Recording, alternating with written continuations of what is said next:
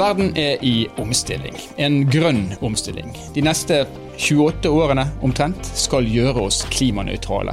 Og Da er det kanskje ikke så rart at bærekraft er, kanskje etter korona i hvert fall, det ordet vi hører mest. Men hva ligger egentlig i begrepet, dersom vi ser på det fra et næringslivsperspektiv?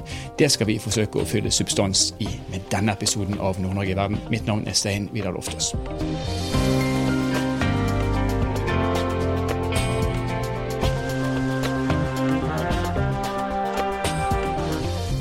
Senere i denne episoden skal vi snakke med Ragnhild Dalheim Eriksen, som er leder for bærekraftsarbeidet i Sparebank1 Nord-Norge.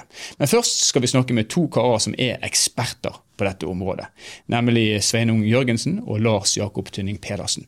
De har en egen podkast. Den heter Bærekraftseventyr. Jeg anbefaler dere å høre på den. Og Disse to karene de er utdanna siviløkonomer, og så er de økologiske økonomer. Så her snakker vi om både blå og grønne hjerter på én gang. Og nå er de med oss her i Nord-Norge i verden. Velkommen begge to. Tusen takk. Tusen hjertelig. Du, dere skal få bestemme sjøl hvem som skal svare på det første spørsmålet, for vi skal begynne helt elementært. Bærekraft er et buzzword. Hvis dere skal definere hva bærekraft er, hva vil dere si da?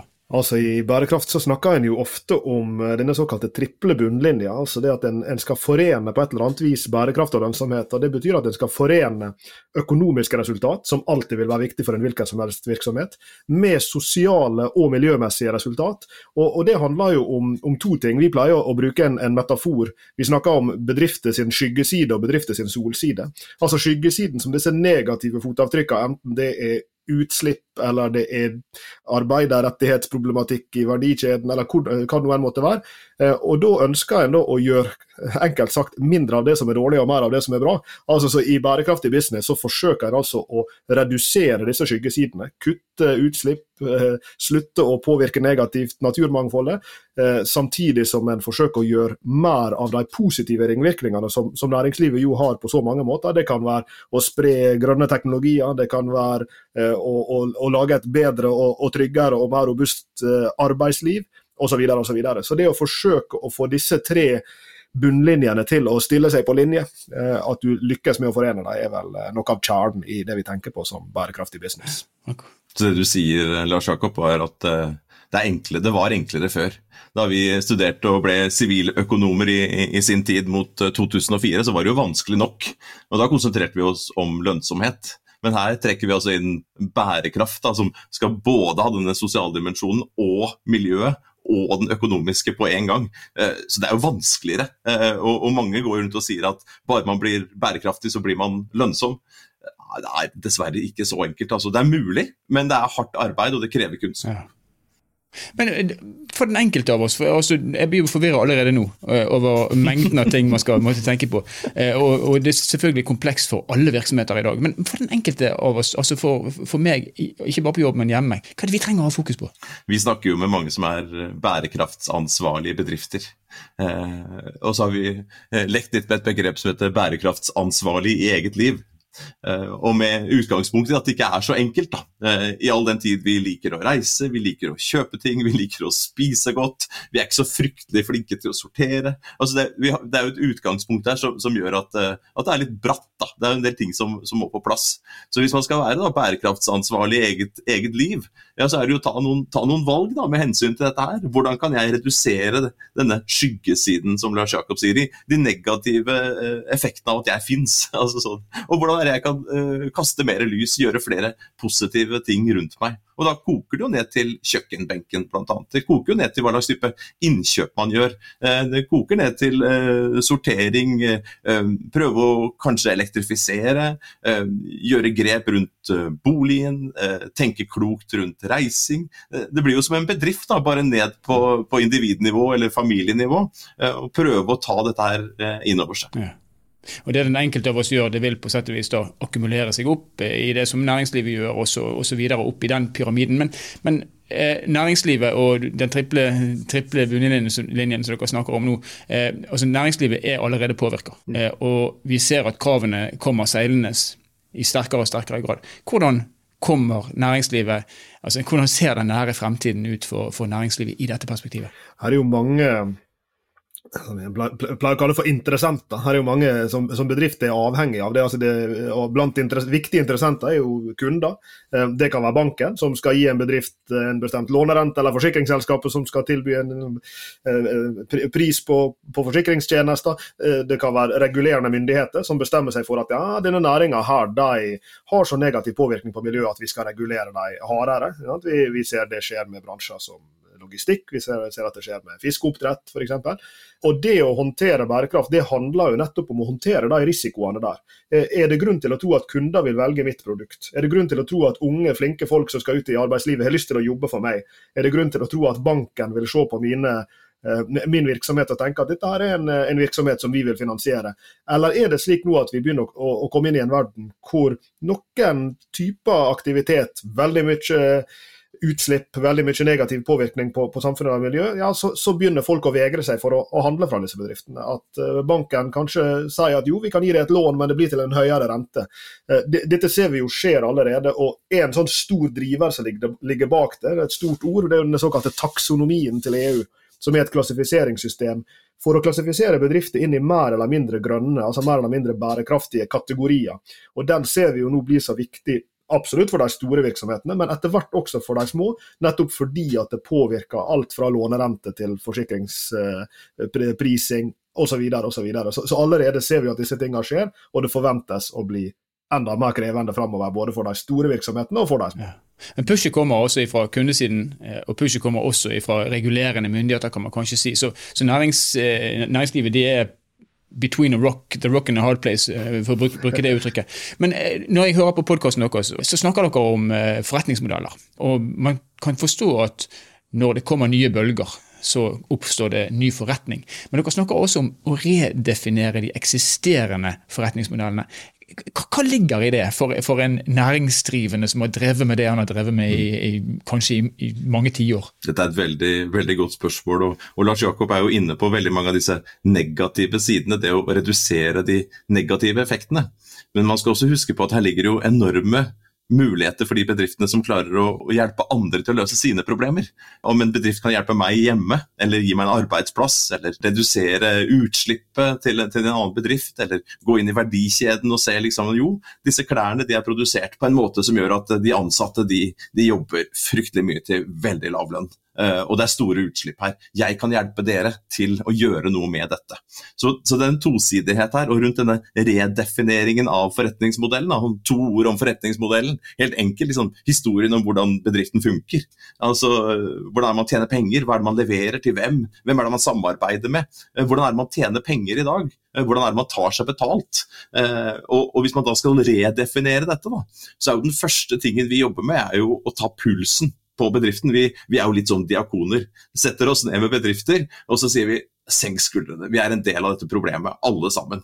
Eh, men hva er din del av dette problemet? Er det store utslipp som interessentene dine er opptatt av? Det kan være myndighetene, det kan være kundene, det kan være ansatte, investor, banken. Er de, er de bekymra for ditt uh, fremtidige uh, Ligger det en klimarisiko her? Er det et stort vannforbruk? legger dere for stort press på, på de ansatte? Har dere sosiale utfordringer? Så hver bedrifts utgangspunkt i en sånn redefinering er å sette seg ned og virkelig skjønne hvor er er det skoen trykker? Hva er vår forretningsmodell i dag? Hvordan tjener vi penger i dag? Og hva slags problemer er det vi skaper, og hvordan er det vi kaster lys i dag? Og der er det jo mulighetene til å tenke nye produkter, nye tjenester, nye samarbeidspartnere. Kanskje bruke det som har vært avfall som ressurs eh, hos deg. Eh, finne andre måter å tjene penger på. Lars Jakob? Ja, hvis jeg skulle prøve å illustrere med et helt konkret eksempel da, på, en, på, en, virksomhet som virkelig har redesigna forretningsmodellen i en bransje. og Dette er et norsk selskap holdt i Oslo, heter Gelato Group. Det er sikkert eh, noen av lytterne som har hørt om dem.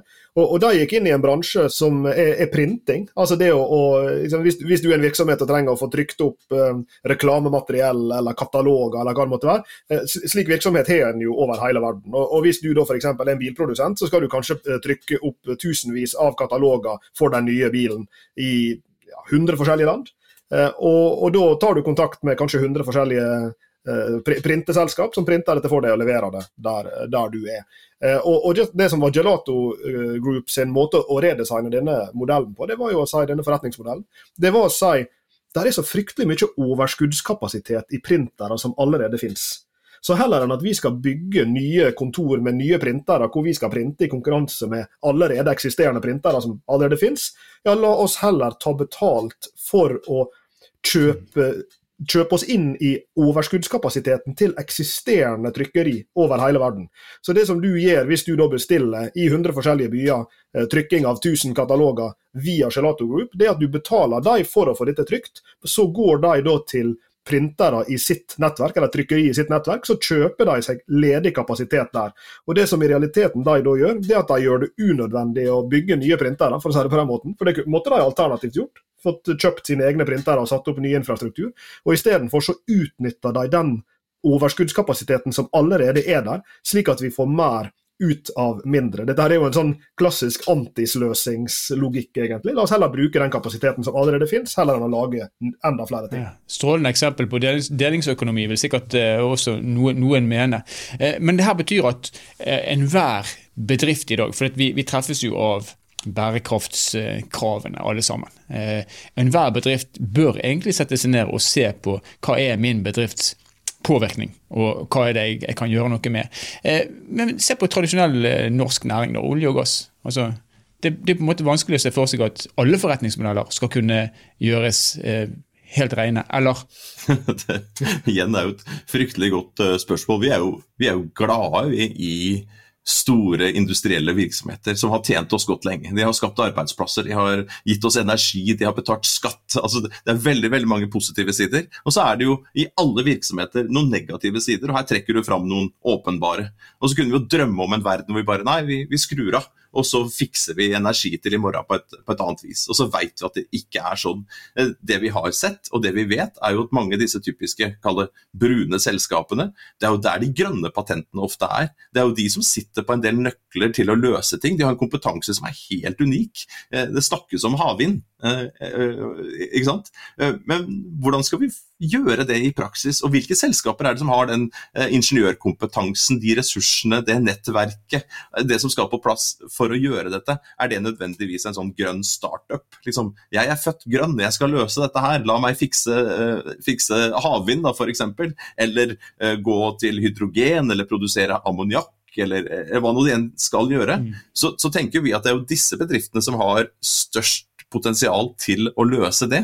Eh, men det skjer jo ikke over natta. Men det gjør jo kanskje gjennom eksperimentering, piloter, nye samarbeid, eh, teste ut på ulike måter. Og så etter hvert som man skjønner at ja, her har vi, her, her, her, her har vi napp. Her kan vi, kan vi dra inn eh, og, og, og, kanskje realisere noe her. Så nei, ikke over natta, disse selskapene du nevner der, disse bransjene du nevner der. Men det er jo kanskje de som har det aller, aller største potensialet, og det ser vi også skjer. Og så tror jeg også at det er viktig å, å, å tenke på det sånn at ja, der er bransjer som har veldig store fotavtrykk. Eh, men det som er den interessante indikatoren, er jo hvor stor er endringsviljen. Altså hvor, I hvor stor grad ser det ut som at disse virksomhetene forsøker å gjøre noe for å flytte seg fra der de er, til noe som er grønnere. Eh, og der er jo et, eh, et veldig spennende prosjekt f.eks. i ja, det er vel oppe i Barlevåg, ikke det? hvor en, en rekke aktører fra Vertsilla, som holder til litt lenger sør fra her jeg bor, eh, Grieg, eh, Grieg, Star er vel med der, og Aker Solutions, hvis ikke jeg husker feil. Altså aktører som på en måte har vært på ulike måter del av den kall det etablerte historiske industrien eh, i, i, Norge, og som forsøker å omstille seg eh, mot eh, noe nytt ved å, ved å lykkes med, med, grønnere energi gjennom denne ammoniakkprosjektet som de kjører der oppe. Og, og, Det er jo slike typer store, ambisiøse omstillingsprosjekt som kan gi en håp om at selv de næringene som har slitt med, og, og, og til dels fortsatt sliter med store utslippsutfordringer, eh, kan lykkes med å, å omstille seg til et uh, lavutslipp, eller, eller, kanskje til og med nullutslippssamfunn. Glimrende eksempel der eh, fra Berlevåg, og da skyter jeg inn til alle våre lyttere at det har vi laga en episode på tidligere, så let tilbake i arkivet og hør om uh, Casey i Berlevåg. Det er et godt case. Og Så hører jeg at dere egentlig da sier at uh, helt uavhengig av hvor man er på skittenhetsskalaen, så finnes det et potensial for absolutt alle, og det er et potensial man må ta på alvor. Men hva skjer med de fra næringslivet som nå tenker at dette her er ikke noe jeg uh, kommer til å gå i gang med? Det er jo todelt. Vi er jo på å si frekke nok til å si at det er veldig mange ubærekraftige forretningsmodeller som kommer til å være lønnsomme lenge.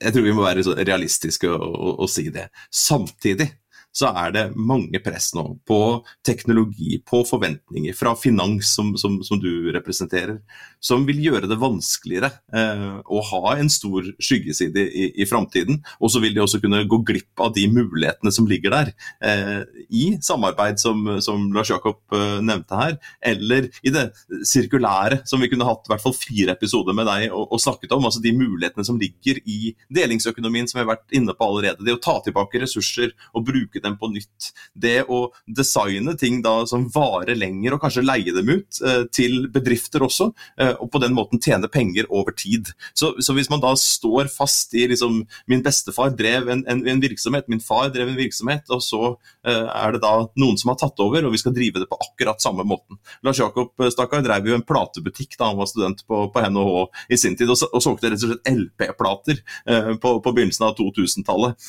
Eh, det var et hobbyprosjekt, men hvis han skulle ha overlevd eh, i en tid hvor vi plutselig fikk CD-er og begynte å rippe CD-er gratis, hvor du fikk, eh, fikk Apple, uh, iTunes-universet og Spotify kom etter hvert. Hvis man da står igjen i den gamle måten å gjøre det på, bærekraft eller ei, altså miljø eller ei, men hvis man bare tenker at her er vi, sånn har vi alltid gjort det, og vi skal ikke ta til oss ny teknologi, nye forventninger, og se de mulighetene som kan ligge, f.eks. i det grønne skiftet, vi, vi, håper jo at de vil få det vanskelig framover, men det betyr jo ikke at det er en lett overgang.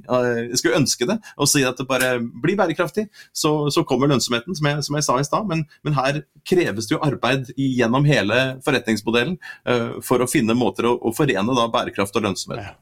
Så kan man vel si da at uh, endring i forretningsmodellene det har jo skjedd helt siden forretningsmodellene så dagens lys. Når det måtte ha vært. Denne gangen er det bare driveren som er litt uh, annerledes og kanskje litt mer radikal enn det vi har vært vant til. Men, men hva er det som er uh, metoden fremover? Altså Er det diskusjon mellom pisk og gulrot? For vi, vi, skal jo nå noen mål innen 2030, vi skal nå noen mål innen 2050. og vi, vi har på en måte ikke noe, valg, noe annet valg enn å, enn å, gjøre noe med situasjonen. Hva, hva gjør vi? Pisk eller gulrot eller begge deler? Eller, eller finnes det noen metoder som vi, vi ennå ikke er klar over som skal benyttes? Altså Her er jo en interessant eh, på en måte i, i, i, ulike bransjer kan, du, kan du jo si at det vil være ulikt hva som skal til. Det, det er noen bransjer som, som, er mer avhengig av disse rammebetingelsene. For Når du er inne på pisk og gulrot her, så, så, så går jo det tenker vi jo umiddelbart på at ja, her er det noen myndighetsaktører som skal enten fram med gulroten eller fram med pisken. Eh, men så vet vi jo at det er også private aktører. Vi har vært inne allerede på finans mange ganger. Vi, vi argumenterer jo til alle som vil høre på, om at finans kanskje spiller en vel så stor sånn omstillingsrolle, altså som en katalysator for disse endringene som myndighetene gjør. Selv om vi vet at når myndighetene tar grep for å fremme bestemte løsninger, så er det veldig effektfullt. Altså Se mm. bare på elbilregimet vi har her i landet, som, som hele verden ser til. ikke sant? Og jeg tror det vil være litt bransjeavhengig hva som er den rette løsninga. Eh, noen, noen, bransjer trenger kapital for å omstille seg med nye teknologier. Andre bransjer trenger rett og slett reguleringer som, som hjelper dem å omstille. Bygg og anlegg og eiendom er jo en interessant bransje hvor vi har sett at ganske strenge reguleringer har har dytta dem over til mer energieffektivisering. Nå dyttes den bransjen i retning av mer gjenbruk, er vel det som reguleringene går i retning av nå. Og så tror jeg det er en grense for hvor langt du kan regulere en bransje. At på et eller annet tidspunkt så, så, så må du kanskje legge ned reguleringsvåpnene litt. Grann. Så Det er ikke et one size fits all-svar der, men det, jo, men det, er jo, en litt sånn ja takk, begge deler-situasjon her, som, som, saken ofte er. Ja. Og trykket vil, som vi allerede har vært innom, det vil komme ifra, både ovenifra og underifra, og sikkert ifra siden også etter hvert. Eh, helt til slutt, eh, Lars Jakob og Sveinung, de som hører på denne podkasten, og som driver sitt selskap, stort eller lite, og som føler at jeg har ikke kommet ordentlig i gang med eh, å redefinere mine forretningsmodeller mot det mer bærekraftige, hva er det gode rådet til de? Først og fremst så skal de vite at de ikke er alene. Dette er rimelig ferskt. Man har ikke hatt så mye kunnskap om det, man har ikke hatt noe språk for det. I denne episoden her så har vi snakket om forretningsmodellen, og, og, og, og vårt utgangspunkt er å skjønne bedriften. Hva er det bedriften gjør i dag? Og så ut derfra. Eh, hvilke negative sidevirkninger og hvilke positive sidevirkninger har bedriften i dag? Og så derfra. Hvordan er det jeg kan tenke bærekraft her? Er det mot det sosiale? Ehm, skal jeg begynne f.eks. å ansette flere med hull i CV-en? Har jeg en mulighet til det? Er det miljømessige ting? Er det ting i, i, på andre måter jeg kan gjøre med min forretningsmodell? Og Da blir det veldig konkret. Hva slags produkter og tjenester er det du leverer til hvilke type kunder? I hvilke type markeder, til hvilken pris? Hvordan er dette her leveres eh, per i dag, og hvordan er det man tjener penger? Og Så kan man begynne å nøste opp da, og, og, se ok, hva kan være muligheter her. Som jeg sa, med, med, med hull i CV-en. da, eh, eller, eller, eller, gå inn på FNs bærekraftsmål f.eks. Da må man finne både sosiale mål, man vil finne, finne eh, miljømessige mål og, og, mer økonomiske mål. Og så se ok, hvor er det det er mest naturlig, eller hvor er de lavthengende fruktene for oss for å begynne dette endringsarbeidet. Og så, som vi har vært inne på oss i denne episoden, hva er de litt større tingene som man kanskje ikke kan gjøre alene, men hvor man må, må inngå samarbeid med andre. Det være seg eh, kundene, trekke dem tettere til seg, kanskje også konkurrenter tettere til seg, for å se ok, her er vi i dag, her er det noen utfordringer. Eh, med de nye reglene som kommer, de nye forventningene som kommer, ja, så, så, kan vi nok ikke holde på på den måten som vi har gjort i så mange år til. Nå må vi begynne et uh, endringsarbeid. Så helt sånn, sånn, kort så vil jeg gitt det som en liten sånn start, startpakke.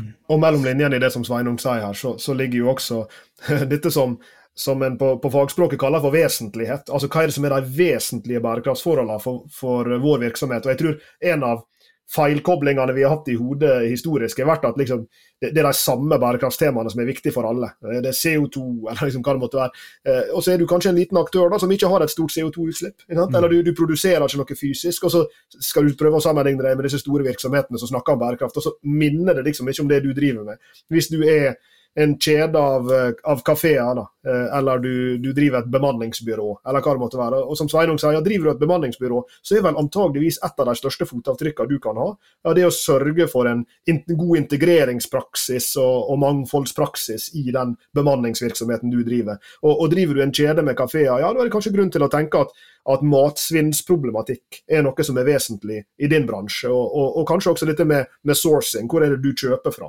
Fra hvilke typer leverandører og hvilke typer innsatsfaktorer er det du bruker i, i, i produksjon av mat i, i dine kafeer. Så, så, det å forsøke å, å, gjøre det litt sånn nært og, og, og skreddersydd til den du er, det, det, tenker vi er et veldig viktig utgangspunkt. Hva er det du, du gjør, som Sveinung sier, hva er det du leverer til hvem, og hvilke typer positive og negative fotavtrykk er det som oppstår i i den leveransen som, som, du har ut mot dette markedet du opererer i.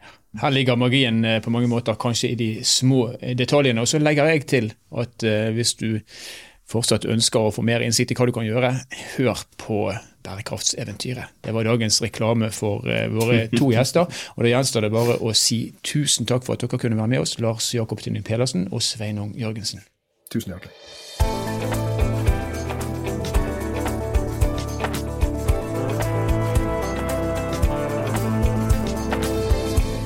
En av næringene som ordentlig ble truffet av bærekraftsfokuset for noen få år siden, er finansnæringen. I likhet med veldig mange andre, selvfølgelig. Men nå har vi med oss eh, Ragnhild Dalheim Eriksen, som leder bærekraftsarbeidet i Sparebank1 Nord-Norge. Og Hun skal gi oss liten, eh, et lite dypdykk i hvordan eh, erfaringer de har gjort seg på disse årene som har gått. Velkommen til oss, Ragnhild. Tusen takk. De siste årene, sier jeg. Når traff bærekraftsfokuset Sparebank1 Nord-Norge? Det traff for alvor eh, oss i 2016. Eh, bærekraft er jo noe som har vært viktig for en sparebank i veldig mange år, men i 2016 så kom hele det her klimatoget seilende og traff oss virkelig midt i magen. Ja, litt overraskende, eller? På mange måter. I hvert fall kraften av det var vi litt overraska over. Og, eh, og, det første vi måtte gjøre, var jo å sette oss inn i hva er det egentlig bærekraft har med bank og finans å gjøre. Mm. Og så har det påvirka dere selvfølgelig i årene etter, det vet vi, som med alle andre bransjer, mer eller mindre. På hvilken måte eh, har det her prega dere? Først og fremst har vi måttet lære oss masse nytt. Eh, vi har måttet lære oss hvordan er det egentlig finans og klima henger sammen, og hva er det slags rolle finans kan ha i det grønne skiftet. Um, og det er jo veldig mange ting man sikkert kunne gjort, men vi er opptatt av at vi må gjøre det på riktig måte.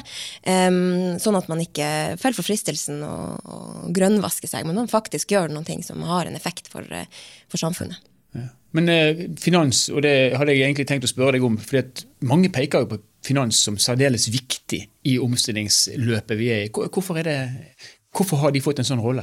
Det er jo fordi vi sitter på en måte midt i smørøyet. Eh, vi, kan, eh, vi er i dialog med kunder, både folk og næringsliv i, i landsdelen, og kan stille krav. Vi kan jobbe med både pisk og gulrot for å få til en, en, omstilling i samfunnet. og Derfor så pekes bank på som en veldig viktig del av nøkkelen. Og Det ser vi også med de forventningene som ligger også i, i det internasjonale kapitalmarkedet for hvordan bank og finans skal bidra til det grønne skiftet. Mm. De som eh, styrer pengene, de styrer også løpet videre, kanskje. Mm. Du sier at dere ble truffet av dette fokuset i, i 2016. Det pushet som, som, dere merker i dag, hvor kommer det fra, først og fremst? Er det reguleringer, eller er det, hvor er pushet? Akkurat nå oppleves det det kommer egentlig fra alle hold. Ja. Det kommer fra kunder, det kommer fra samfunnet, det kommer fra interesseorganisasjoner, det kommer fra ratingbyrå som vurderer risikoen i, i selskapene. Eh, det kommer fra myndighetene i stor grad. Vi vet at det kommer nye lover på trappa nå ganske snart. Eh, men der hvor det har kanskje akselerert aller mest, er presset fra det internasjonale kapitalmarkedet, spesielt i Europa. Da, eh, hvor vi har sett en stor økning i forventningen til hvordan eh, finansbransjen jobber systematisk med eh, klimatiltak og bærekraft, og hvordan man jobber med med en beviselig klimaeffekt i måten man eh, gjør forretninga si på. Men dette, dette, må du forklare. For kapitalmarkedet, Hva er kapitalmarkedet, og, hva er det slags eh, pressmidler de har overfor eh, finansbransjen? Altså, vi sitter jo på toppen her av, av Norge med Sparebanken Nord-Norge, men vi er sammenvevd i det internasjonale kapitalmarkedet. Og krav som investorer og, og de grønne pengestrømmene eh, stiller i, i, det internasjonale markedet, treffer oss direkte. Eh, vi er nødt til å vise til hvordan vi jobber med bærekraft hos oss for at vi skal være attraktive uh, ute i det store markedet. Ja. Grønne penger, og, og, du, og, du, sier at vi, presset kommer fra investorene, fra kapitalmarkedet, fra kundene, fra regulerende myndigheter. Det arbeidet som er i gang nå, og har vært i gang i Sparebanken Nord-Norge over flere år, hvor mye av det gjøres fordi at man virkelig ønsker det, og hvor mye gjøres fordi at man ikke har noe valg? Det er litt både og. Eh, vi ønsker definitivt mye. Vi ønsker å gjøre veldig mye på bærekraft, eh, og gjør det allerede i dag. Samtidig som vi er opptatt av å gjøre det riktig. Og at man ikke bare skynder seg av gårde med å, å lage en bærekraftsatsing som ikke holder vann. samtidig som det også presser seg frem. Det presser seg frem fra myndigheten, som stiller større rapporteringskrav. og det presser seg frem fra kunder, som, som har høyere forventninger til hvordan en bank både har kunnskap om bærekraft, og også skaper insentiver for å omstille seg. Så det det kommer fra flere hold. Ja. Vi snakka med disse bærekraftseventyrgutta rett før eh, vi, vi, tok deg inn i studiet her, eh, Ragnhild. og vi hører jo også at eh, fremtiden, den kommer til å, altså alle bransjer kommer til å preges, og alle forretningsmodeller på sett og vis kommer til å redesignes. Og Det gjelder selvfølgelig også din, din bransje. Hvordan vil kundene deres merke dette fokuset fremover?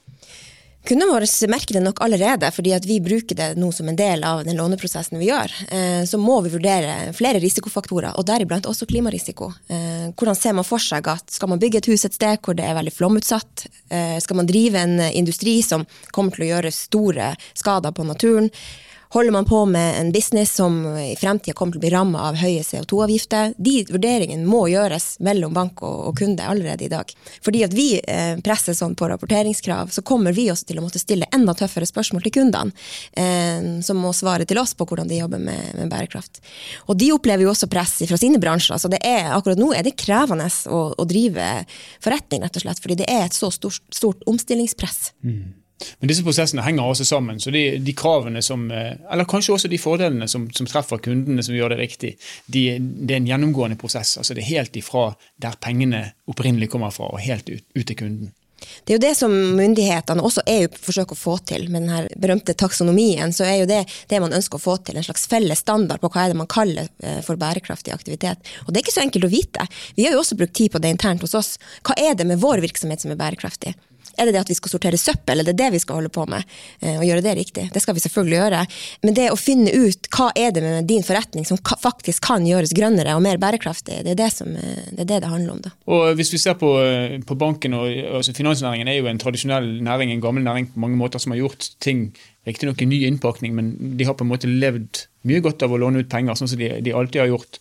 Eh, Sparebanken Nord-Norge leverte nettopp et strålende årsresultat nok en gang. Hvordan kommer bærekraftsfokuset til å påvirke de finansielle resultatene for de som driver innenfor finansbransjen fremover, tror du?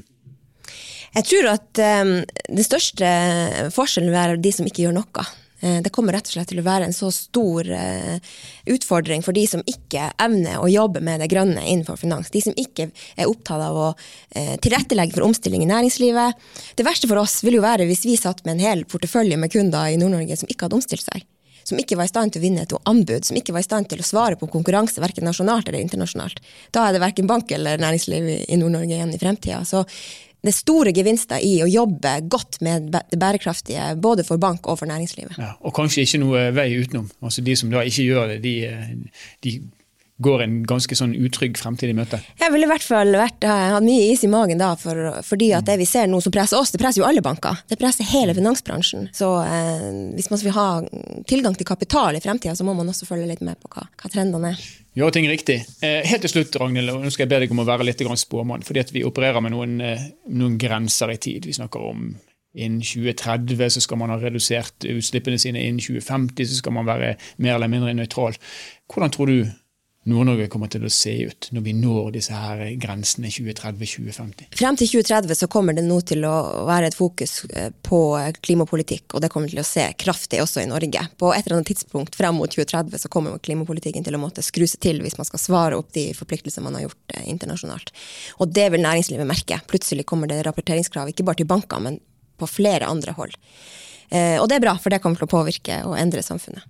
I 2050 så tror jeg vi ser et helt annet type samfunn. Eh, da er det en helt andre eh, kluter som styrer bedriftene. Det er, det er de som i dag er klimabevisst. Da, da, er det de som har den store forbrukermakten. Det er de som sitter i selskap. De kommer ikke til å finne seg i å jobbe for bedrifter som ikke har omstilt seg. Det kommer ikke til å skje. Eh, så næringslivet må være omstilt. da. I tillegg til at hvis vi opplever et regulatorisk press nå, så kommer det til å være enda større frem mot 2050.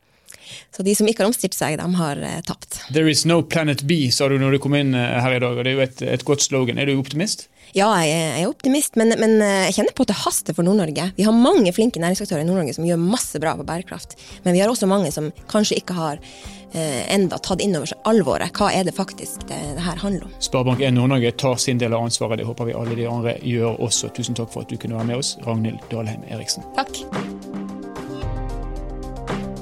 Bærekraft er kommet for å bli. Det er selvfølgelig en tåpelig måte å si det på, men allikevel er det sannheten. Og så er bærekraftseventyret gutta inne på at det er kanskje ikke så vanskelig som man får et inntrykk av.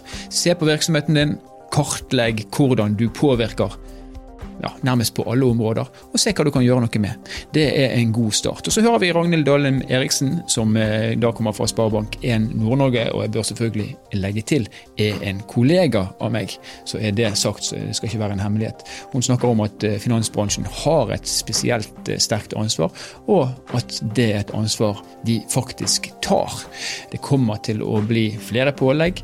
Men det er fint også å registrere at pushet for å få til endring i større og større grad kommer ifra kundeleddet. Og da er det sånn at eh, oppsiden ved å endre forretningsmodellen din er kanskje å unngå nedsiden, rett og slett. Hvis ikke du henger med, så kommer du til å tape kampen mot de som da klarer å henge med. Nord-Norge i verden er en podkastserie som er produsert av Sparebank1 Nord-Norge i samarbeid med Helt Digital. Musikken du har hørt er laga av Emil Karlsen. Mitt navn er Stein Vidar Loftaas. Vi høres igjen i neste episode.